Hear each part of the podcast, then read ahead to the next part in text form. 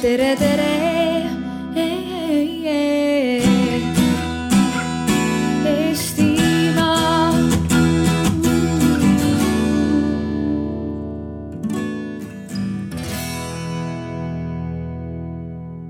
Only until when I moved away for a couple of years did I understand how embedded this is in, in the Estonian society.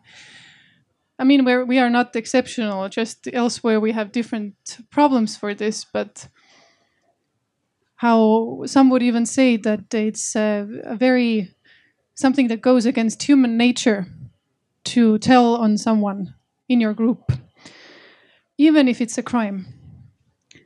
So why do we why do we believe this? And I mean, all too often it's it's just too easy to uh, shut your eyes, to not act, and uh, just say it's not my business. Why go through all the trouble if you could just not bother? So welcome to the discussion, um, snitches, tattletales, and whistleblowers that is organized together with uh, Nordic Council of Ministers, who is also uh, a big supporter of Arvamus Festival. Uh, I am Karina Paju. Uh, I'm from uh, Transparency International Estonia or Korruptsioonivaba Eesti. And from our side, I would like to thank Active Citizens Fund, who is uh, supporting our efforts for uh, whistleblower protection. And first, I would actually like to pose you a question. For this, you don't don't be afraid. You don't have to say too much at first, at least. Please go to menti.com with your smart device, any smart device that you have with you. And you can enter the code that you can see on the board over here. 791656. So the question that I want you to answer is that some if someone blew the whistle in your workplace, what would you say would happen?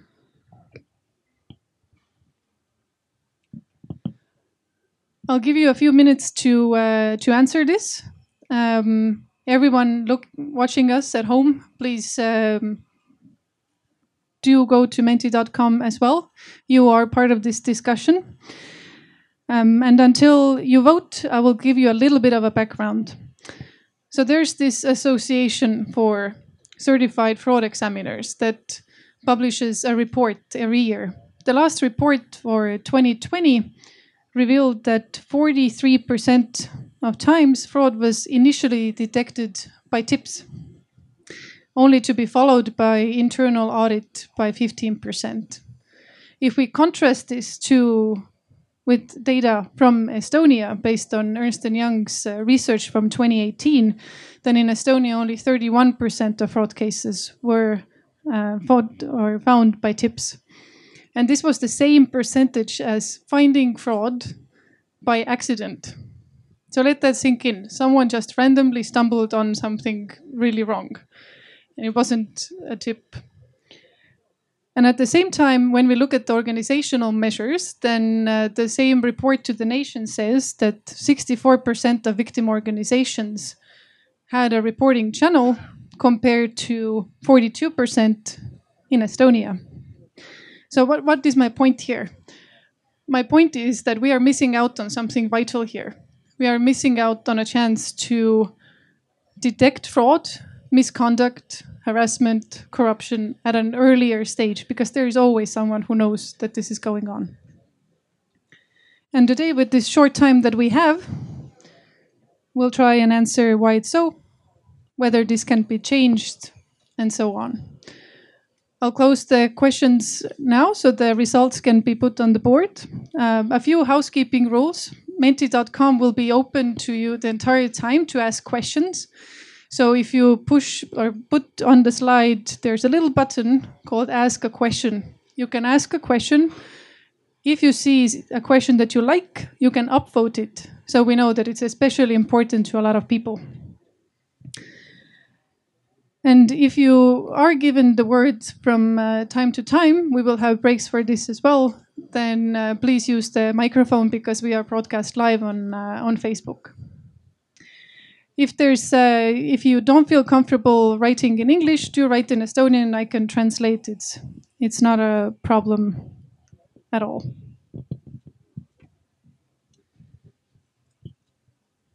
But first, actually, we have a very good panel here to discuss this with us.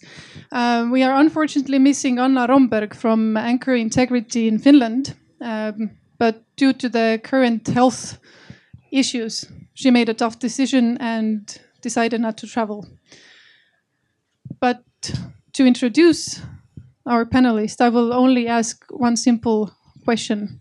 You can say your name, of course, but then why are you here? Why does this topic matter to you? Uh, my name is Martin. I'm I'm a journalist in Express Group. Uh, I have worked with uh, whistleblowers in the past. Um, the main whistleblower story I broke uh, was in Postimees uh, about TalTech's um, funds and uh, I'm here because I think I know what the whistleblower feels, what what are his questions, what are his issues, what are the moral dilemmas of a whistleblower. So and why are they blowing the whistle in the first place? Hi, uh, my name is Mare. Uh, I work for the Ministry of Justice, and I've been dealing with uh, the whistle whistleblower topic um, uh, for my work for a couple of years now, and I'm also responsible for creating a new legislative act uh, to protect whistleblowers in Estonia. And why this topic is also personally um, important to me, well, I would say that to me, whistleblowing is noticing a wrongdoing and acting on it, so doing something, um, not uh, staying passive, but um, telling someone and trying to limit the negative consequences of um, of uh, the wrongdoing. Thank you. Hi, uh, my name is Denis. I'm the head of the fraud risk uh, management department at Eesti Energia, which is a large utilities company here in Estonia. Um, why am I here? Uh, because I've been operating and improving our uh, Speak Up hotline for the past almost five years now. And I can give you the perspective of a company that's had a, a Speak Up hotline for the past 10 and a half years. And uh, it does work. Thank you. That's a good start. To, to start off with, let's look at let's look at the results. So the question was that if someone blew the whistle in your workplace, what would happen? 48% would say that things would change and reports are taken seriously, followed by 22% saying, I have no idea what would happen. And 17% say that whistleblower would be vilified. So, what would you say about this? Is this surprising for you? Do you is this odd? We can start from Martin.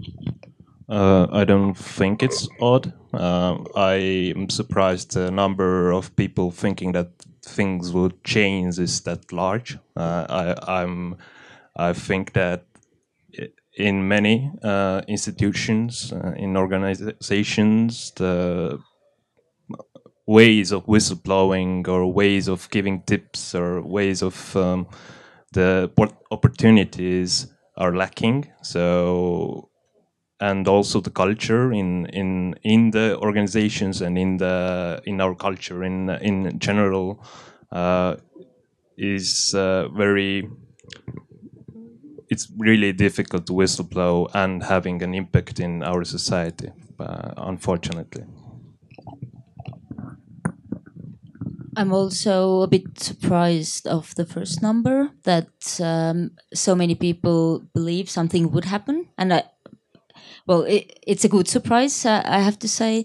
Um, I had the feeling, uh, and also some studies have showed that a lot of people think, well, a lot of people don't um, blow the whistle because they think nothing will change. And here we can see that at least here, almost half of the people think something would change. so this is good, good to see.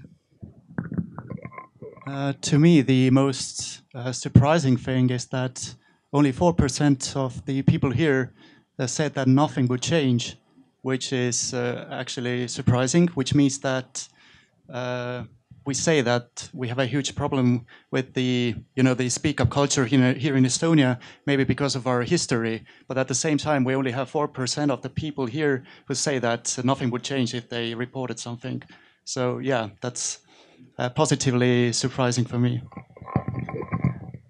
Well, it's maybe also um, how we asked the question. If we asked, if I blew the whistle, would anything change? I don't know, would that make a difference or not in this case? But I will read you a little uh, food for thought from Anna Romberg, who couldn't be with us today, but because she's a really good specialist, I asked some of her thoughts um, to accompany us today. And this is about the language we use around whistleblowing. And she said, People think it is someone else's responsibility to blow the whistle, which is why it is critical that we label whistleblowing channels as positive, as bringing value and helping us to create stronger businesses and societies. It is unfortunate that in the Finnish language, the term, and apologies for my Finnish, ilmianto kanavat, which means snitches channel, is used, which reinforces the view of whistleblowing being something undesirable. We should instead emphasize the importance of our common responsibility for upholding common values. So, the language around whistleblowing is really important and something that we need to always address. And maybe let's let's start with uh, discussing what whistleblowing actually means to you. So, Mare, you have been dealing mostly with the legal aspect of uh, of whistleblowing. Um, what would you say? What is whistleblowing, and who is a whistleblower? In just a few words. Um, well, whistleblower is someone who, in um, in work-related contexts, um, uh, finds um, out something is wrong or um, and well uh, hears about the breach of law and acts uh, accordingly, uh, tells someone that something is wrong.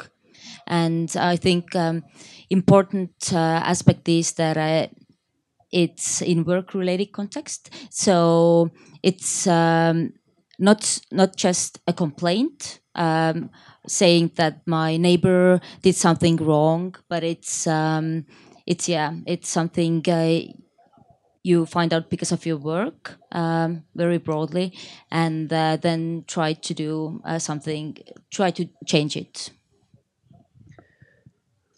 And Denis, you work mostly with uh, in in the private sector with with whistleblowing. How would you say whistleblowing really differs from complaints? Well, first of all, internally, we actually don't use the term whistleblowing or whistleblower because for us, it's just employees who have a problem, and of course, we're going to provide them with the uh, provide them with uh, confidentiality, uh, protection, and if they want, uh, they can have anonymity as well. So uh, that's a given because, well, inside a company, it feels like you're labeling people. So we don't want to do that because we have a speak up culture uh, where if uh, something occurs, well, usually, well, mostly people are good, but uh, if information um, doesn't get to the top for some reason, someone's withholding uh, important information about unethical behavior, then there has to be a channel uh, where you can still air your frustration, and that's why we have a speak up hotline. And uh, what's the difference between a whistleblower hot, um, report and a complaint? Um, well, if you actually look internationally at different uh, whistleblowing hotlines, you can see that they use it uh, pretty much the, the, same way. But the way the way I see it is uh, a whistleblower is someone who's uh, who can expect confidentiality, who can expect uh, protection uh, and also anonymity if he or she wants to. Whereas a complaint is a bit different, where there isn't such an expectation from the uh, person making the complaint. At, least that's my view. And Martin, I mean, it's uh, you've been working with whistleblowers who have whose companies or places have failed them in in a way. And when we mostly hear about whistleblowing, it's to the it's from the media. Who would you say these whistleblowers are? Um, uh, usually, as you said, they're uh, they have been failed by their organization. Um, usually, uh, journalists aren't the first people that they try to contact. Um, for in example, in TalTech's case, uh, the whistleblower tried every measure he could possibly do. He contacted police, he contacted his superiors, he contacted the uh, dean of school, he contacted the rector of school. Uh, he did everything and nothing changed. He got no um, information whatsoever what was being done with the information he provided. So finally, he came to the journalist. So usually people will come to journalists it was the same with uh, uh, National Opera of Estonia uh, sexual harassment allegations case where where people tried to find uh, solutions inside the organization. They didn't find them, and it was uh, really difficult to come to journalists for them. But uh, that was the final solution. Um, and um, so they're really desperate, at that uh, situation. But that they're desperate shows that they have really good motives because they don't. For sexual harassment, it's a victim, so it's uh, obvious why he's trying to get it uh, uh, revealed or get, try to get it um, solved. But when there's this um, when in TalTech's case, it was more like a, more like an ethical decision. Uh, and this person felt that he was uh, involved with um, uh, unethical uh, behaviors in the organizations as as well. So, so yes, they are usually in my con context for a journalist. They're usually desperate people who have been failed by their organization would you say the number of um, whistleblower casing, cases that we see in the public sphere actually reflects uh, what is happening? No. Uh, the whistleblowing cases that we uh, see in the public sphere are failures, usually. Uh, fa failures of whistleblowing. Like uh, when when it's a huge scandal, you have failed as an organization.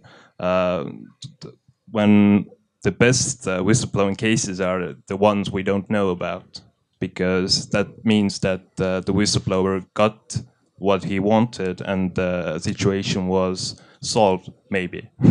Uh, other cases are where where it was the opposite and he was silenced and there are those cases as well.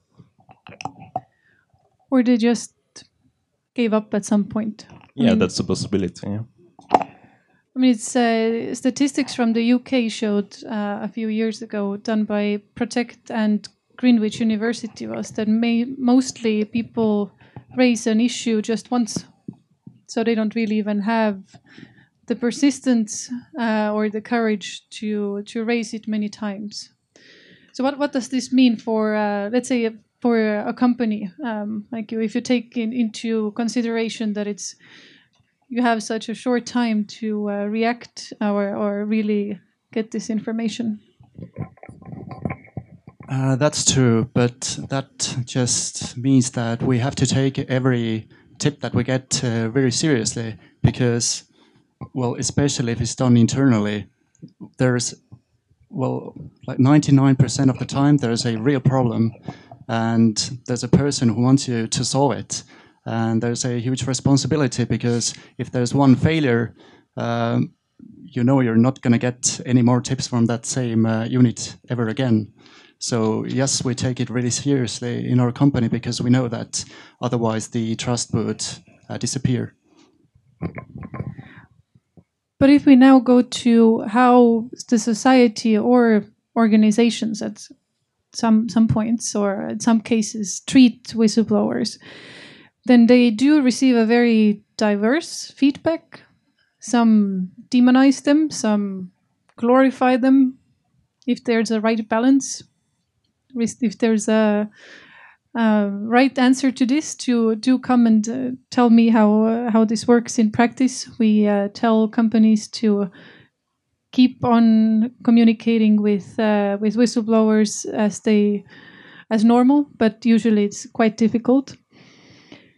But in your view, why is it not normal to report a wrongdoing, even if it's as serious as fraud, corruption, or sexual harassment? Um, I'll start with Martin here. Well, it is. It should be normal, but uh, I imagine it's. Uh, we have this culture of loyalty in our organizations. That that loyalty is something that's so important that you can't even, uh, even if the issue you uh, want to share your information about is is a crime, even then the loyalty comes first.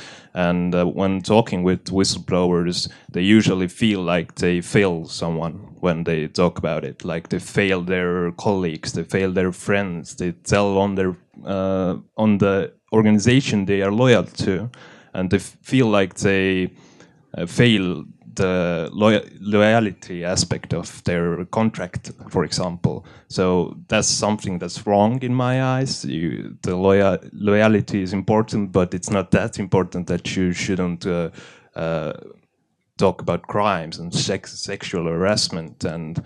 And the second thing is the culture. Like uh, in uh, Soviet Union, uh, people were really hurt about other people telling on them like they these kind of um, people destroyed families and destroyed uh, genera generations that are still alive. So i think it's a cultural thing as well. Mare, when when you discussed um, the EU directive that we're soon later going to discuss more in in uh, depth, um, did you notice any any kind of differences between the countries? Um, how they uh, uh, reacted to the whistleblowing uh, topic? Is it somewhere else a normal thing to do? Uh, well, statistically, I think it was ten of EU countries have um, a pretty okay uh, reporting system already in place, even before the directive, and uh, mainly those are Western European countries. So there's there is definitely um, a difference, but yeah, during the negotiations, of course, you, won't see it uh, that way.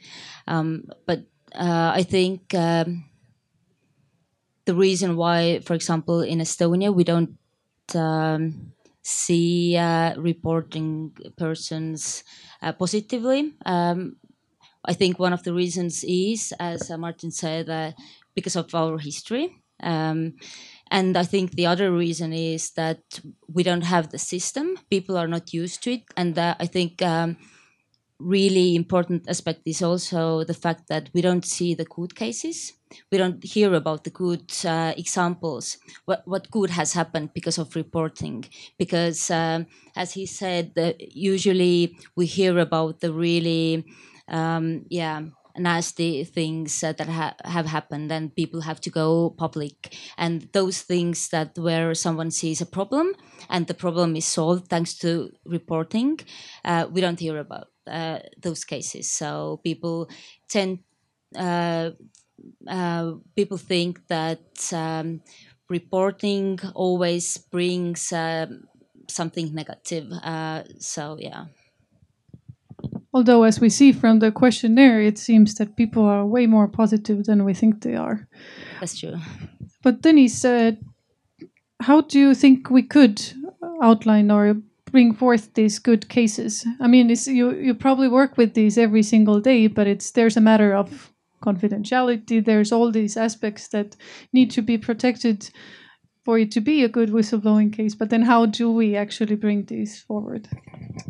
Well, it is hard because, well, in most cases you can't really communicate it, communicate them outside or even inside the company because they're uh, really confidential or very sensitive. Uh, but there are other cases as well where we can really do something, uh, do something, make something better, and we can communicate it. So we try to use every avenue we have, like internal communication. Um, yeah, well, basically internal communication. But I mean, the best kind of uh, advertisement for our Speak Up hotline is when uh, someone makes a report and uh, something happens for the best, like for the better, and uh, that actually uh, that message travels across the organization because people realize that okay, I made a report, something happened. So basically, if one of their colleagues uh, has a problem, they can tell them that you know I had a problem as well, and it worked. You can uh, contact well my department, and uh, we'll figure something out. Like if you have a problem, you can basically escalate it up to the management board, and we have the full support of our management uh, team. So basically, uh, no problem is small enough or large enough.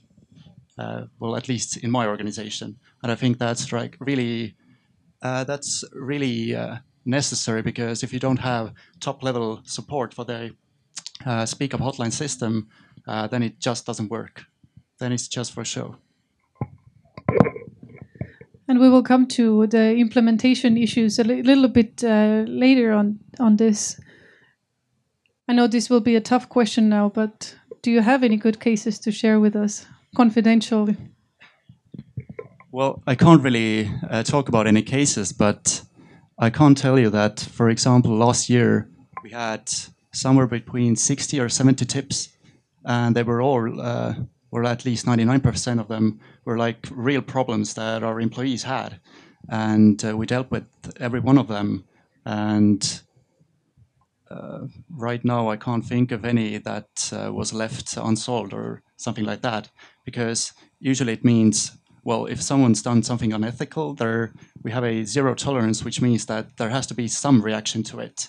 And the other part is that we have to uh, see what the uh, underlying issue is and solve that as well. So it's not only that someone made uh, an unethical choice and something happened, but it's usually um, a sign of something bigger. So there are two sides to it that we try to amend.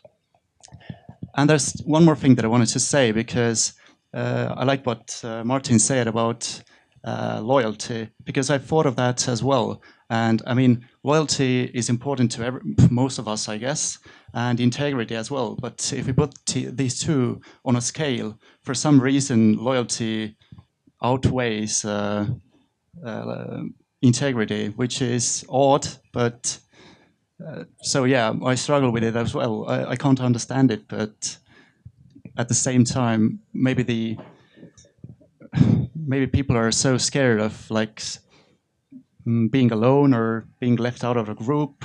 I don't know. It's hard, but I think that's somewhere where something that organizations can uh, influence because if you do have a speak up culture in your company that starts from the top to the bottom.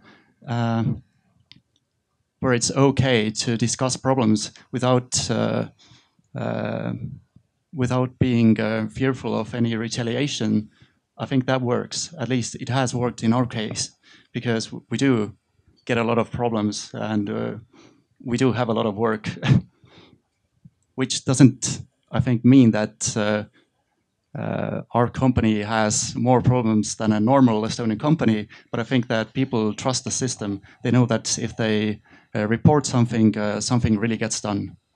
At least that's my view. Martin, you wanted to add something? No. Okay. Misunderstood. I was just uh, going together with uh, with this. We probably need a good uh, social social psychologist to explain all the phenomena over here, why this happens. But um, before we have a little uh, question session, I would actually like to come to a very uh, something that we've thought about quite a lot, especially uh, in TI, because of the in the light of the EU directive that is now going to be transposed to all the member states' uh, legislation. and that is anonymity. We know that when a whistleblower makes a report, especially if it's something high profile, their life gets analyzed to pieces. What have they done wrong in their past? Um, is there anything that could explain why they're such horrible people, or are they revengeful? Um, and this, I feel, is even worse when when people it's it's an anonymous report. There's a lot of speculation then, um, and uh, it's really discouraging for for people to uh, to then make a complaint or, or um, blow the whistle later later on.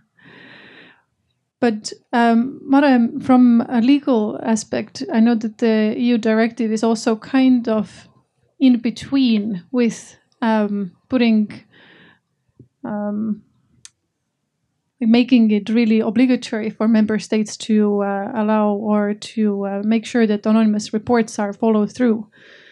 Is this um, why is it so? Do you think?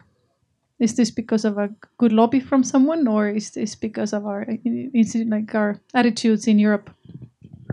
Well, actually, um, anonymous reports are included in the directive, and which means that the member states have to include them as well.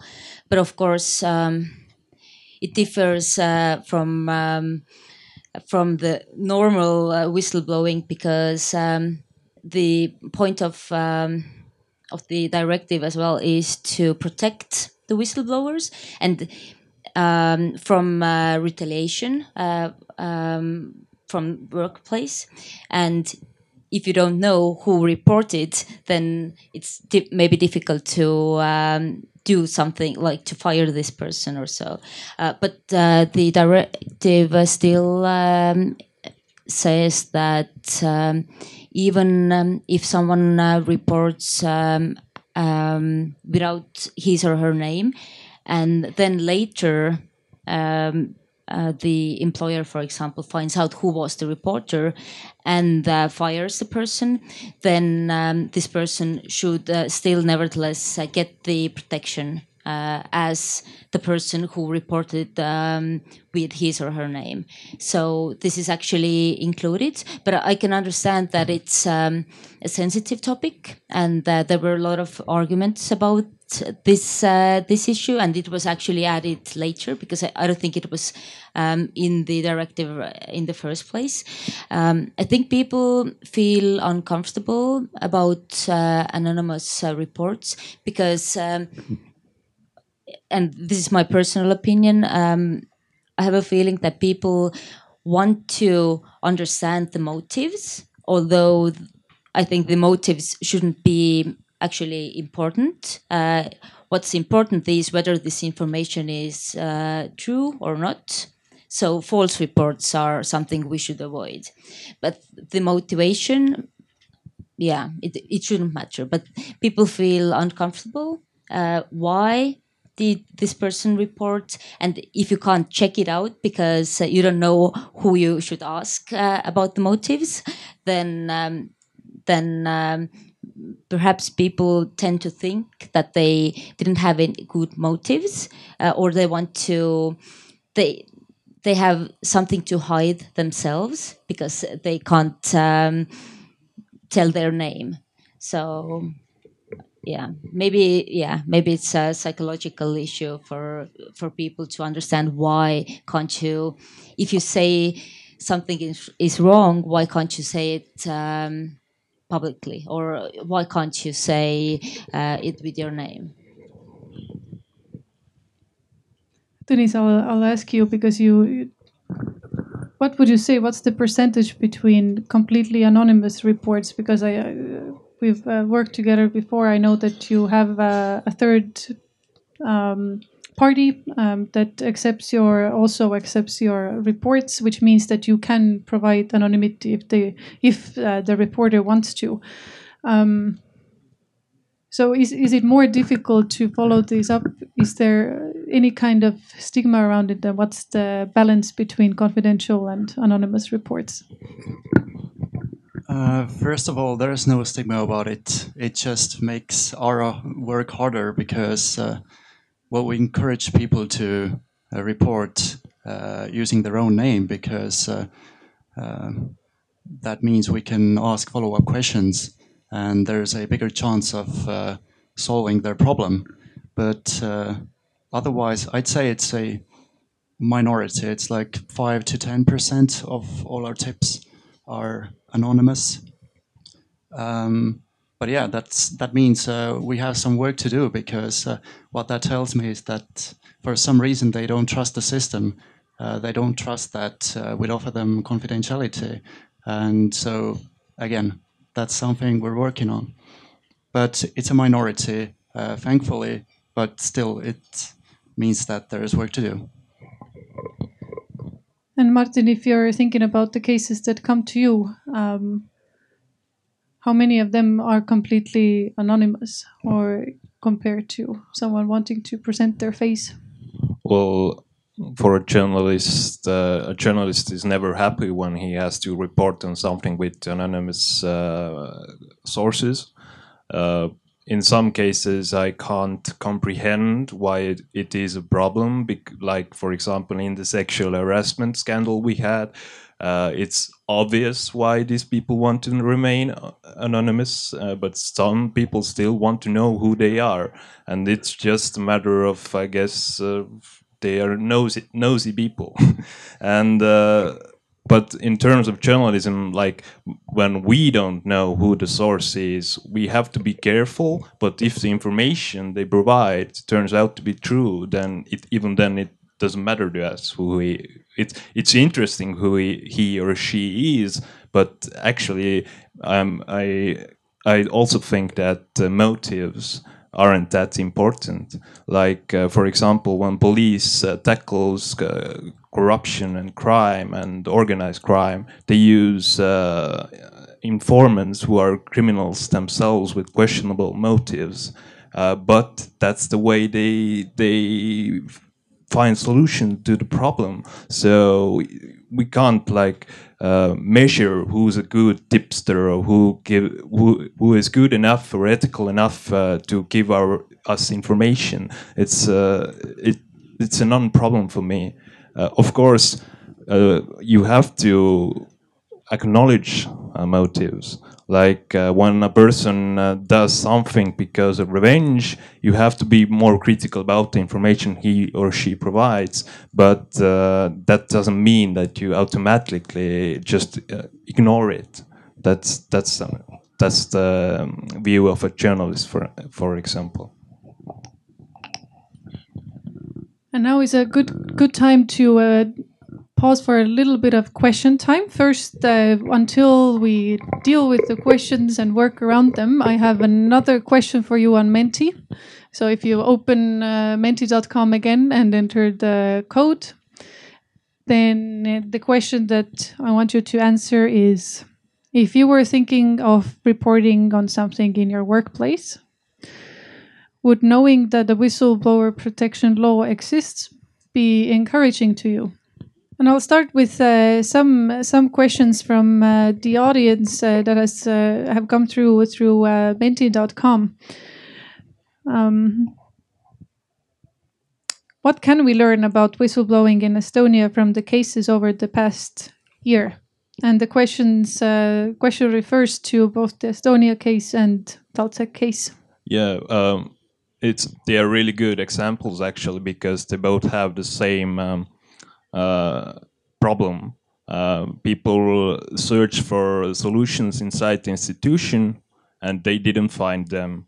Uh, and that resulted in a huge scandal. If they had these whistleblowing uh, measures in their institutions, then it wouldn't be a scandal. So it's even for the, for the organizations uh, uh, good that uh, that they have these measures even in in like media, for example. But uh, the second thing is they both uh, implemented uh, some systems after the scandal in scandals broke. They both learned from their experiences. Uh, and this showed also they had something wrong in their organization before the scandal broke. So it's actually, in some weird way, it's a good thing that this uh, things uh, happened. But I hope that every organization doesn't need to have a scandal for them to learn that yeah, you you have to have these systems in place, or you're you're in big trouble. Uh, you get a call from me. Can we call reporting workplace mental abuse also whistleblowing? So, what is uh, meant over here is more if someone is uh, terrorizing their colleagues. Should this be considered whistleblowing? Uh, I don't I know if it's whistleblowing, but uh, it's it's uh, you should talk about these things. When people are unha- unhappy, you should make them happy. So if if there's this mental uh, uh, harassment in your workplace, which uh, we've got uh, as a, as journalists, we're even uh, written about this kind of uh, things happening in public institutions. Uh, uh, you should notice these kinds of complaints. I don't know if it's a whistleblowing thing. It depends on the amount or level of harassment or mental harassment it, that is taking place. I'll just comment that, uh, like I said, we don't use whistleblowing or whistleblower in our company. So basically, you can uh, uh, write a report on anything that has to do with ethics uh, or unlawful uh, behavior. So, and we also get questions uh, regarding ethics as well, and we still include them because. I think it shows something. It shows that people had a situation where they had a uh, where they had to make a choice between something ethical and unethical, and they wanted some guidance. So we include them as tips as well. Uh, we do get these as well. Uh, so yeah, we I think that's something that uh, you should report, and you can report it to us, and we will deal with it. At least in our organization, but yeah. I also agree that um, one should be able to report about things like that. Um, and um, yeah, if it's uh, legally a whistleblowing or a complaint, I don't think it even matters. But uh, well, uh, it's important that people um, would be able to work uh, in a good environment and um, if they have problems um, they feel free to well they feel that they have someone they can turn to and who will help to solve the problem. So whether what it means legally i don't think this is uh, even important. So any questions from the audience? What you, would you like to say into a microphone Nope. All right, then we'll look into what our questions or answers are. So, a whistleblowing law would be um, something encouraging if you had a good knowledge of uh, your rights. That answers again, 48% of people answer this. And uh, others would would think a law would be effective, but they would maybe first see if the law was effective, and that is 39%. And maybe, well, depends. Any comments on this? Is this again, I'd say it's really positive. Like we have 46% of the people who think uh, something would change, like they would at least perhaps be willing to make a report. I think that's encouraging. Uh, that shows that there are there are not many business leaders in our uh, audience because usually the people that are against it are the people that have to implement those uh, laws. So yeah. Uh, uh, I, I, will mention that I'm, uh, of course, I also think that we need the, this kind of laws because I felt that in TalTech's case, for example, uh, the whistleblower was uh, under no protection whatsoever. So the university just uh, did what they want, and uh, basically there was only me and my newspaper with public. Um, shaming involved for them to pressurize them not to uh, retaliate that person. Uh, th- that's the thing about anonymity. We decided for that person to be public. We that we know who he, he is. Uh, why we decided that is that we are as journalists are. It's easier for us to protect uh, that uh, whistleblower and for the society to protect a whistleblower who who know who he is.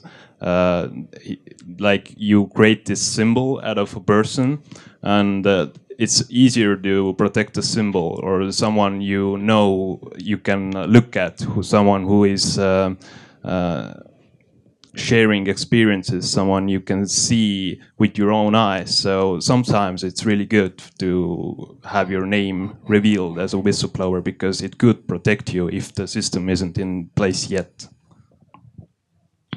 This is a very good introduction to uh, what we want to discuss uh, next, and, and something that the audience also upvoted uh, is that whether do we actually need a separate law in Estonia for whistleblower protection? I mean, we have the EU directive, which means that we have to transpose the directive, but it's more limited. So, do we need a separate separate law or not? Maybe let's start with Mare from here.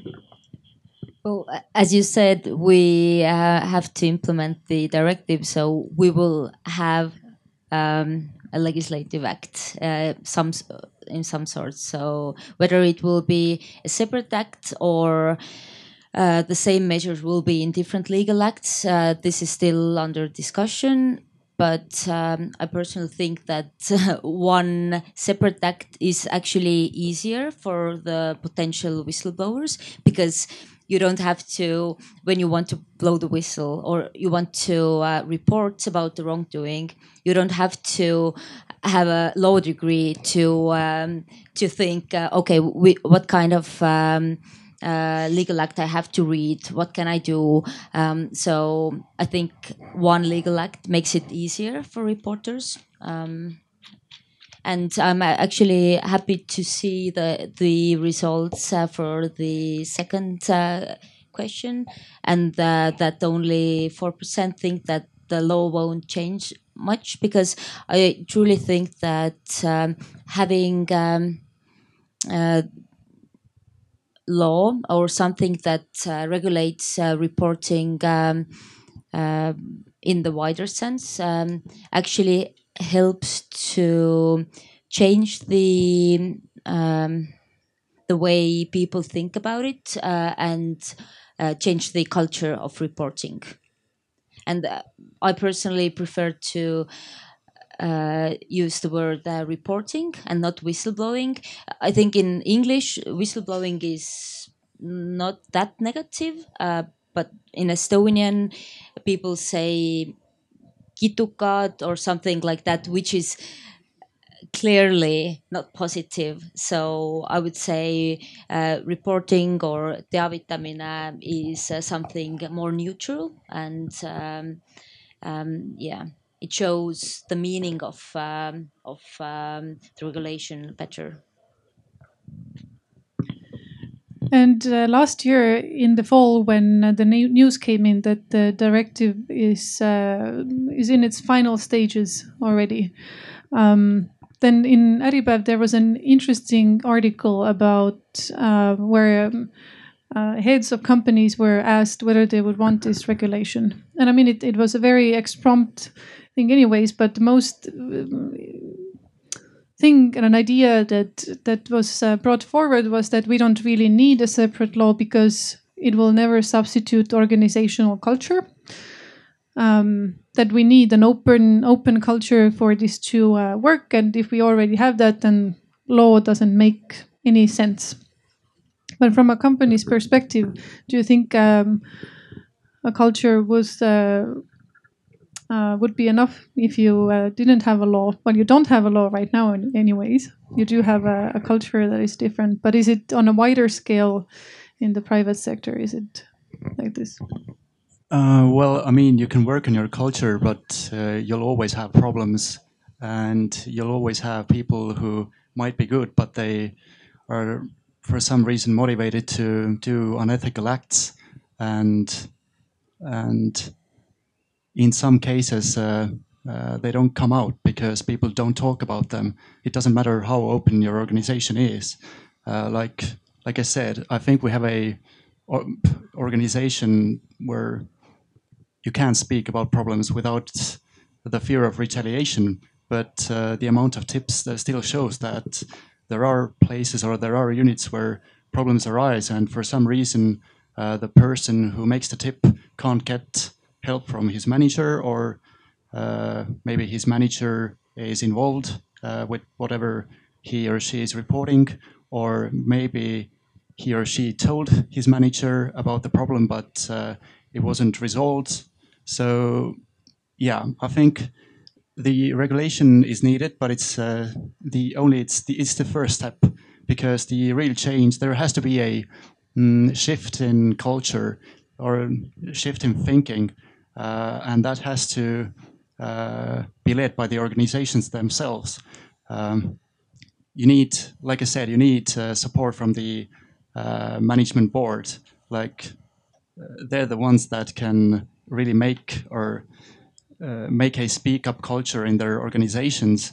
And uh, even if we have the legislation, but they don't take it seriously or it's uh, frowned upon, then uh, I don't. I don't think uh, that's going to make a big difference.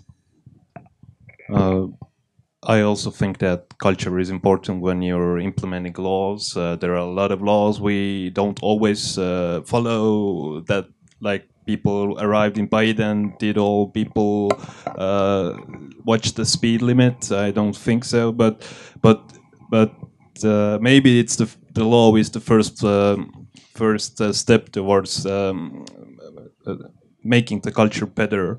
Also, uh, the law. The, what is happening in the organization or what is the culture of the organization uh, is one thing, but what are the tools for an individual for the whistleblower itself, what is what are his or her options are important as well.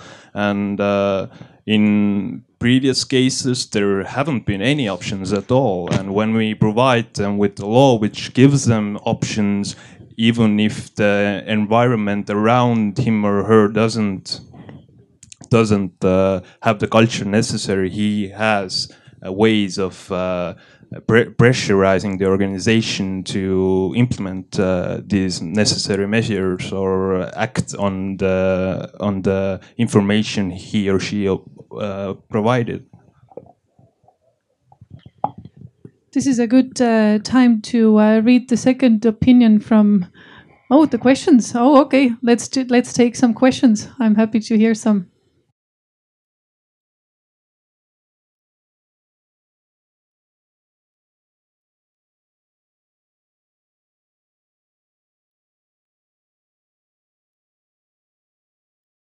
Hello, my name is Annika. I'm from Milton, and uh, I actually wanted to touch uh, the other side of the coin that I think you yet haven't touched. Uh, you talk a lot about the whistleblowers, how to do it, how they are protected, and so on. What about those people who are the objects of the whistleblowing? Uh, and especially, maybe this question goes to Martin, who's a journalist. Like, how do you draw the line that you take some topic public that are like very sensitive issues. I guess mostly these are maybe harassment cases where in court system, you know, you go to the court, you have to prove it the facts, and then it's decided who's guilty, who's not. And then maybe in some cases you might have one person to tell you the story, no one to prove, and once you label that person in media, and it turns out not to be true, then that person also becomes a victim. And uh, I know it's a like very difficult topic, but how you as a journalist draw the line when you go public and when not? Uh, usually, we've had testimony or witnesses who will tell us something and we are not able to confirm it. Uh, you haven't heard about those cases maybe because we decided not to take them, make them public.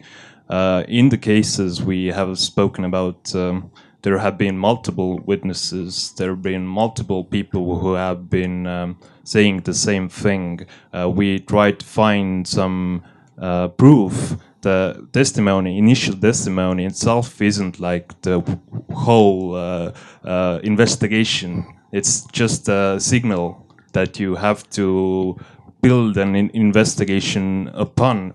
Like uh, in TalTech's case, uh, it was actually quite funny that they thought that may, that the whistleblower had to investigate the whole thing, provide proof, provide everything. Although it's actually he had to just give the testimony, and uh, and uh, he didn't need to do all those things that the institution wanted him to do to provide proof and to investigate himself or, or not investigate when whenever necessary. It was really mixed signals by the institution, but it's a journalistic thing, I think, like uh, in terms of like uh, ethics. And of course it's an ethical uh, decision to make especially in a sexual harassment case uh, especially. Of course there are a lot of people even journalists who think that maybe the estonian national opera sexual harassment case uh, uh, shouldn't have been public uh, so of course there are ethical issues involved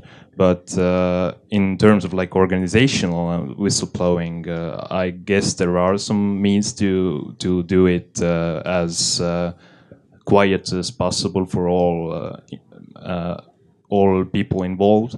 But there are also some um, problems that aren't you aren't able to um, solve with the courts and laws, and there are those we are talking about public figures who have uh, also ethical, uh, moral um, uh, levels they have to achieve to remain in their uh, public office or public seat. So there are those ethical problems we can also talk about. We don't have to measure everything with uh, with court cases, and uh, we can't we can't like make everything uh, a fact with courts. Uh, we can use uh, ethical, uh, moral decision making to decide. Yeah. Just a comment. I think this is um, this question was a good um, example of why we actually need a new law or like legislation uh, because um, of course every company um, can uh, have reporting systems in place but obviously a lot of most of the estonian uh, companies don't have them. We have one good example uh, represented here but uh, most of the companies don't have the systems in place. And what we have heard today and what we have uh, read uh, from the newspapers in uh, recent years a lot of cases that um, have went public um, were because someone reported of wrongdoing and got no feedback. And the it wasn't uh, dealt with, and um, the uh, EU directive, what the, the purpose, uh, one of the purposes is uh, to uh, make it well. Some companies um, have to have those internal reporting systems in place. So, if someone wants to report something, then he knows, he or she knows that I can do it first internally which is uh, less harmful for the company as well. And I think all the companies should actually be encouraged to have those systems, even if it's uh, not obligation according to law. But I think all the companies companies should have them because it's for their own good uh, to have the, this inf- information first. Um, and people don't have to go public uh, first. Um, although they can do it. But if you go public, then of course um, it could be harmful harmful for the company, even especially if um, later uh, you found out that maybe the information was not uh, all true and so on. But um, yeah, th- that's why we should have those systems in place. Uh, internal reporting, but also external reporting system.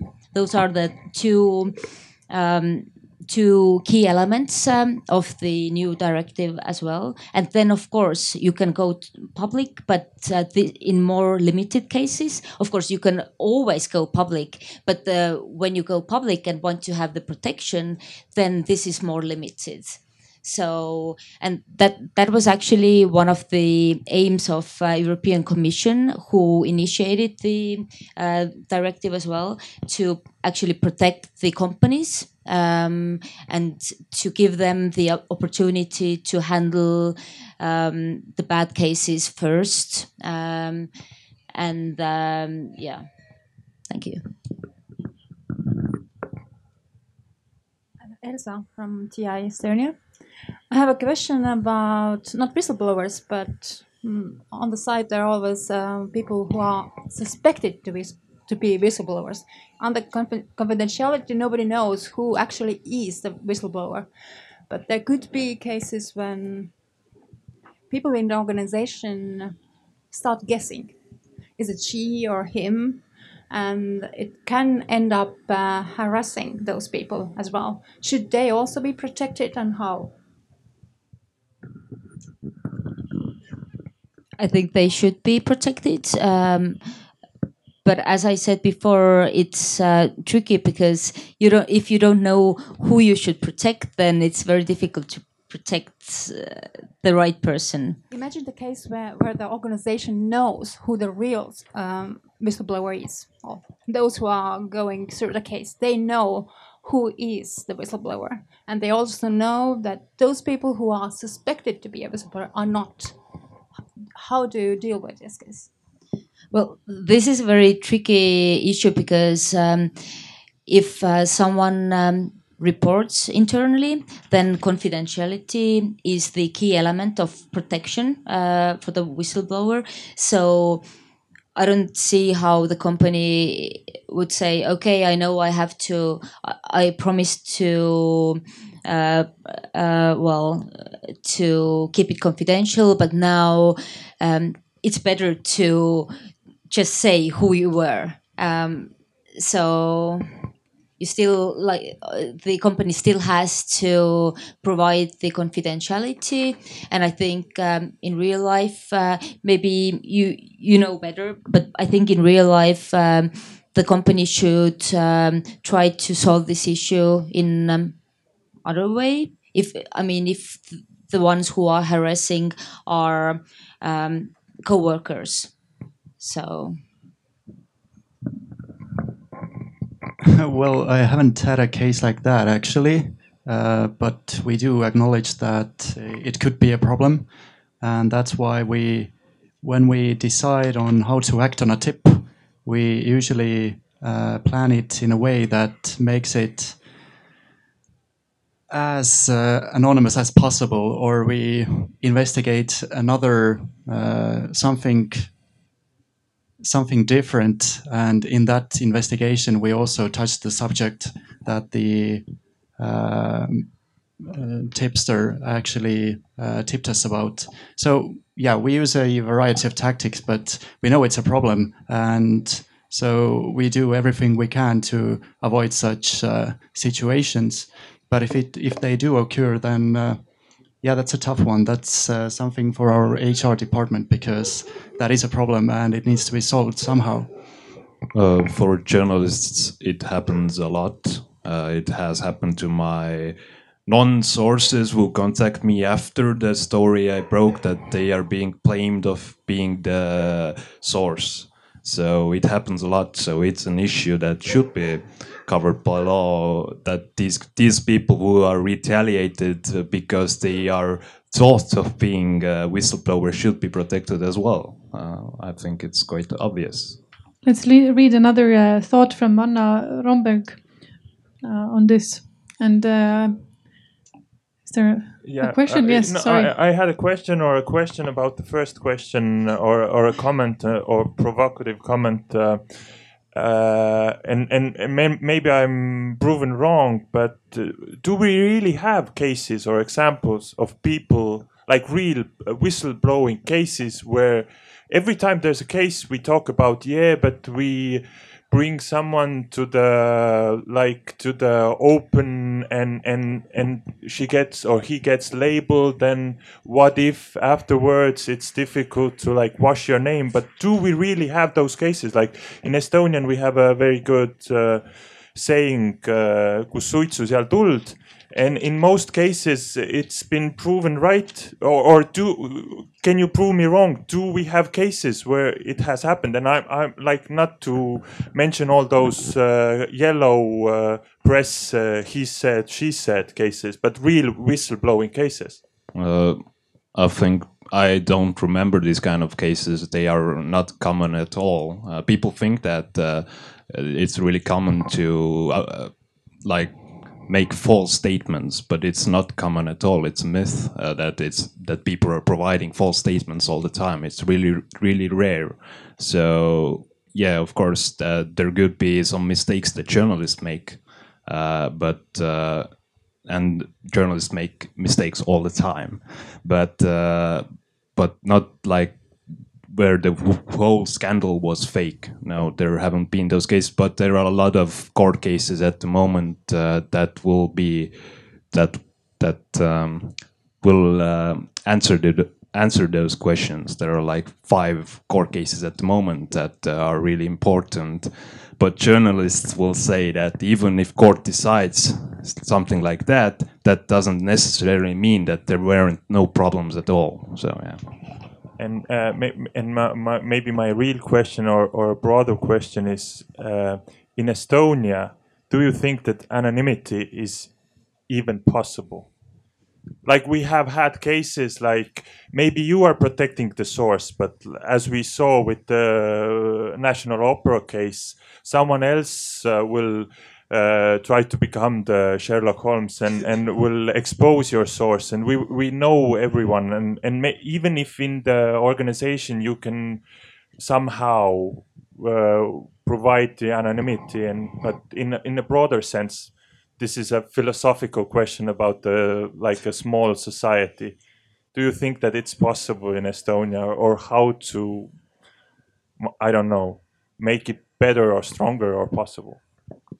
I I think uh, it's not possible in Estonia in most cases, uh, and um, how to solve it. Uh, um, more people here probably but um, that that's that's one of the reasons uh, if we talk about um, the legal side why um, um, we need to have the inter- internal reporting systems in place but also um, external reporting systems. So if you feel that there's even if i um, if um, uh, theoretically no one says who reported, um, well, it, it's in a small company. It's not very difficult to actually find out who was the person who was responsible for this and who had this information and so on. And that's why this person has the opportunity to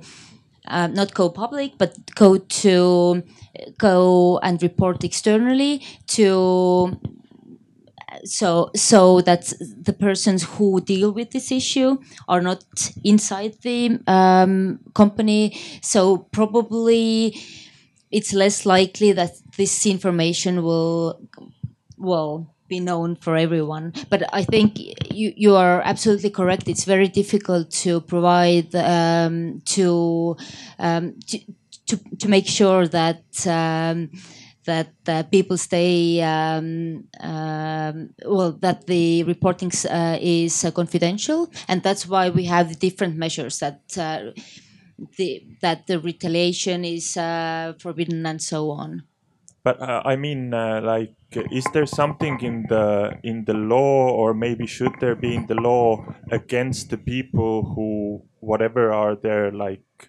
why they do it, but blow the cover of a whistleblower? Like now, even in in this case, it was a it it was another journalist can we take that journalist like? Uh, can we have something against that, or or i- should that be a measure maybe? If someone like a third party blows the cover,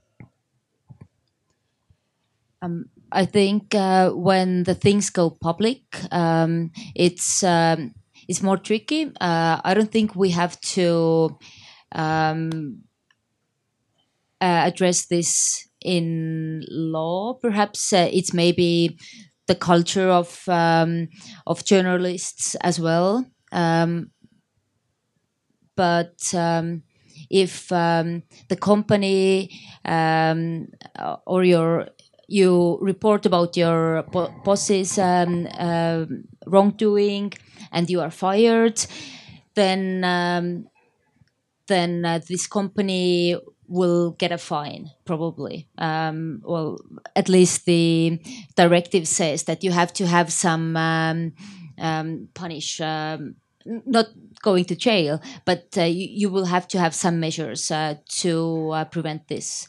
But I think if you go public, it's very it's very tricky issue to regulate this. I mean, th- this this I think maybe goes too far, um, and I think it's more um, the ethical side of um, how journalists work, for example, at one, what kind of information they uh, provide, and um, if someone says. Uh, calls you and uh, tells you, okay, I know I have a good story. I figured out who this person, anonymous person was uh, that the other newspaper was writing about. Then it's up to for a journalist to say whether I will make another uh, article about it uh, and in which way. And I don't think we should um, regulate it uh, in law.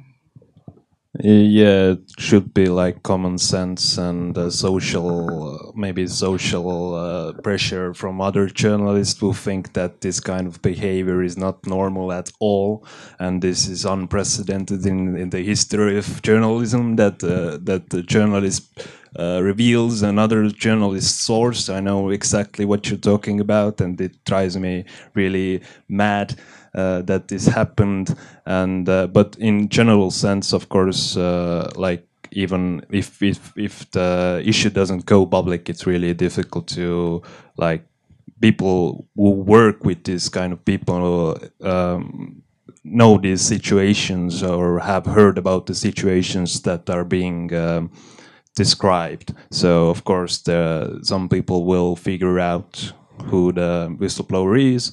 Um, sometimes uh, whistleblower, you don't know that there's a whistleblower at all. Like uh, some story broke or some issue, some uh, um, change happened, and you don't know that it actually came from a whistleblower because he or she is never mentioned that this is the ideal kind of uh, solution to the whistleblower uh, uh, tip. So, as we're um, very conscious of time here, we do have a little uh, assignment for the audience over here, and of course, the panelists will take part in this. They won't, can't escape. So, if you go to um, Menti, it will show you a question. The question is, what can an individual do to normalize whistleblowing? Just look left, look right. If you're two people, if you're three people, how many ever you would like. Just a few ideas um, think them through, and then we'll feedback from the audience in just five minutes.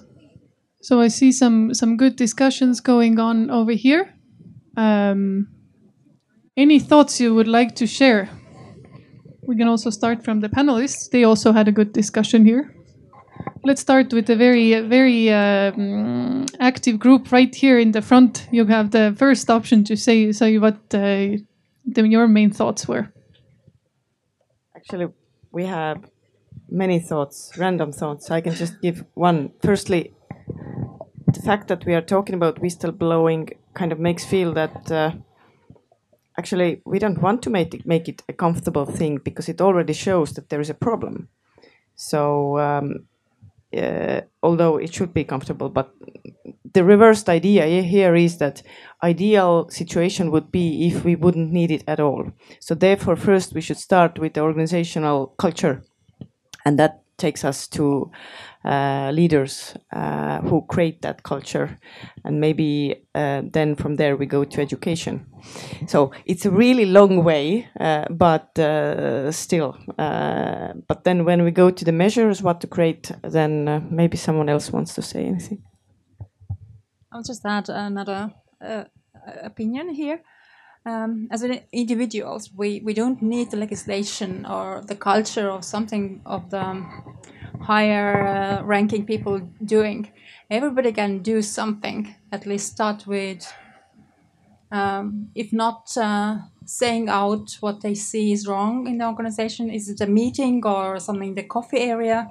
And everybody can also just say, oh, um, compliments on those people who stand up and say about any problem. It doesn't have to be something that blows up all the organization. It's the small things. So that's where the culture starts.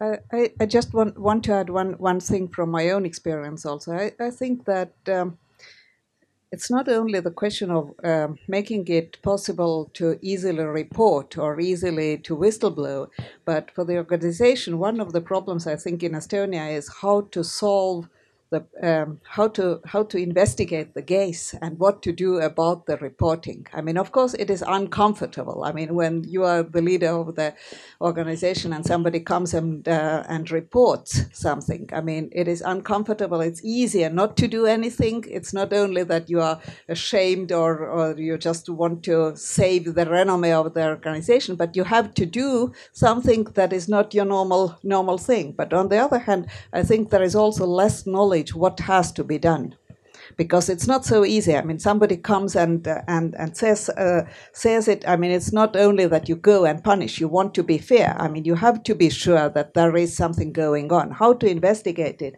I think the whole procedural thing has to be established, and this could help more than just to make it so easy to give the hint or to uh, make whistleblowing easy, or because I mean, people go to the newspaper. Um, or usually they should go when nothing else can be done. I mean, for the journalists, it is just like they they are hungry to get these stories. I understand, but this sells very well. But on the other hand, for the organization, it should be actually all the measures should be there in order to solve it and to make it normal again and to do it fairly. And I think we should work on this just to share good examples how uh, this can be done and what kind of procedures because I have been just like trying to do something about research integrity and to establish the procedures about uh, about doing good science and I know what I talk about it has taken in Tartu University two years just to um, agree upon what kind of procedure should be in place. Not because somebody is bad and doesn't want it, it's just so difficult to establish it. Thank you devil lies in details. Is any more comments from um, that you would like to share? And I'll turn to uh, our panelists. We also had a nice little discussion. Um, you can uh, comment on this, and then a few closing closing remarks of what uh, you think the main idea today was for you. You can start from Denise's side this time. Mm, well, what everyone can do, uh, no matter where they work or uh, wherever they work or whatever their job is, uh, what they can do is uh, speak up when they see a problem. Uh, that's the first thing. And the second thing is uh, when we hang out with our friends, for example, we do discuss these matters that are in the media for example, the uh, whistleblower cases as well that have been in the media in the past year or two. And, uh, well, at least uh, among my friends, the views are quite different. So that's uh, one of the settings where you can speak up and also uh, explain your views and why you think uh, and defend your view. Because I think that also maybe influences how other people uh, see, I don't want to say whistleblowing, I don't like that term, but how people uh, think about reporting problems or speaking about problems freely. and um, yeah, that's it for me. Um, I think uh, one very important um, uh, issue is also talking about positive uh, uh cases. Um, maybe it's not that interesting or intriguing as uh, negative ones, but I think um, people should be more aware of um, the positive uh, impact of uh, reporting about wrongdoings and um, yeah people should acknowledge acknowledge uh, this more so but overall um, as he said um, people should uh, discuss it more um, speak about it more and uh, if someone sees that something is wrong they shouldn't be afraid of um, addressing this issue, telling someone about it, trying to um, make it go away or uh, minimize the bad uh, negative in- impacts. Well, we should give compliments to whistleblowers. We should make movies about them. We should. Uh, there are a lot of great movies about uh, whistleblowers who are heroes. Uh, so to start changing the culture that's lacking, we should step by step uh, try to make the culture better. So give compliments to each other, see positive aspects, and regard the whistleblowers as uh, heroes for the full uh, society. Uh, to conclude, I'm really happy that there's a law uh, in. There's, there will be a law that will protect whistleblowers, and in Estonia, the plan is to implement the law even uh, with more more stuff in that than the EU demands. So it's it's quite good and uh, but still we need to change the culture and the culture is lacking at the moment unfortunately uh, but i think with like with time it will get better always and from my side i will conclude with that it's it is a truly an egg or chicken question. What should we start changing first, the culture or the law? Um, it probably needs to go hand in hand. Another thing that really uh, stuck with me today is the language that we use is really important.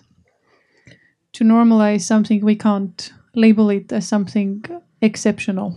It has to be something that we expect people to do anyways. But uh, I thank you uh, so much, our panel. I, I hope it was as interesting for you as it is was for me. Um, if you go to Menti, there's a little uh, feedback questionnaire, which means that it, you have to click just one button. So it's it's uh, it's really simple. Um, but let's um, hopefully convene again and discuss this further because we can see that there's a there are a lot of details that need to go uh, need to be thought through and uh, for this to uh, start working in the proper way. And also, I saw very many interesting, very specific questions on Menti that are directed to our panelists. So do approach them uh, with those specific questions. Thank you.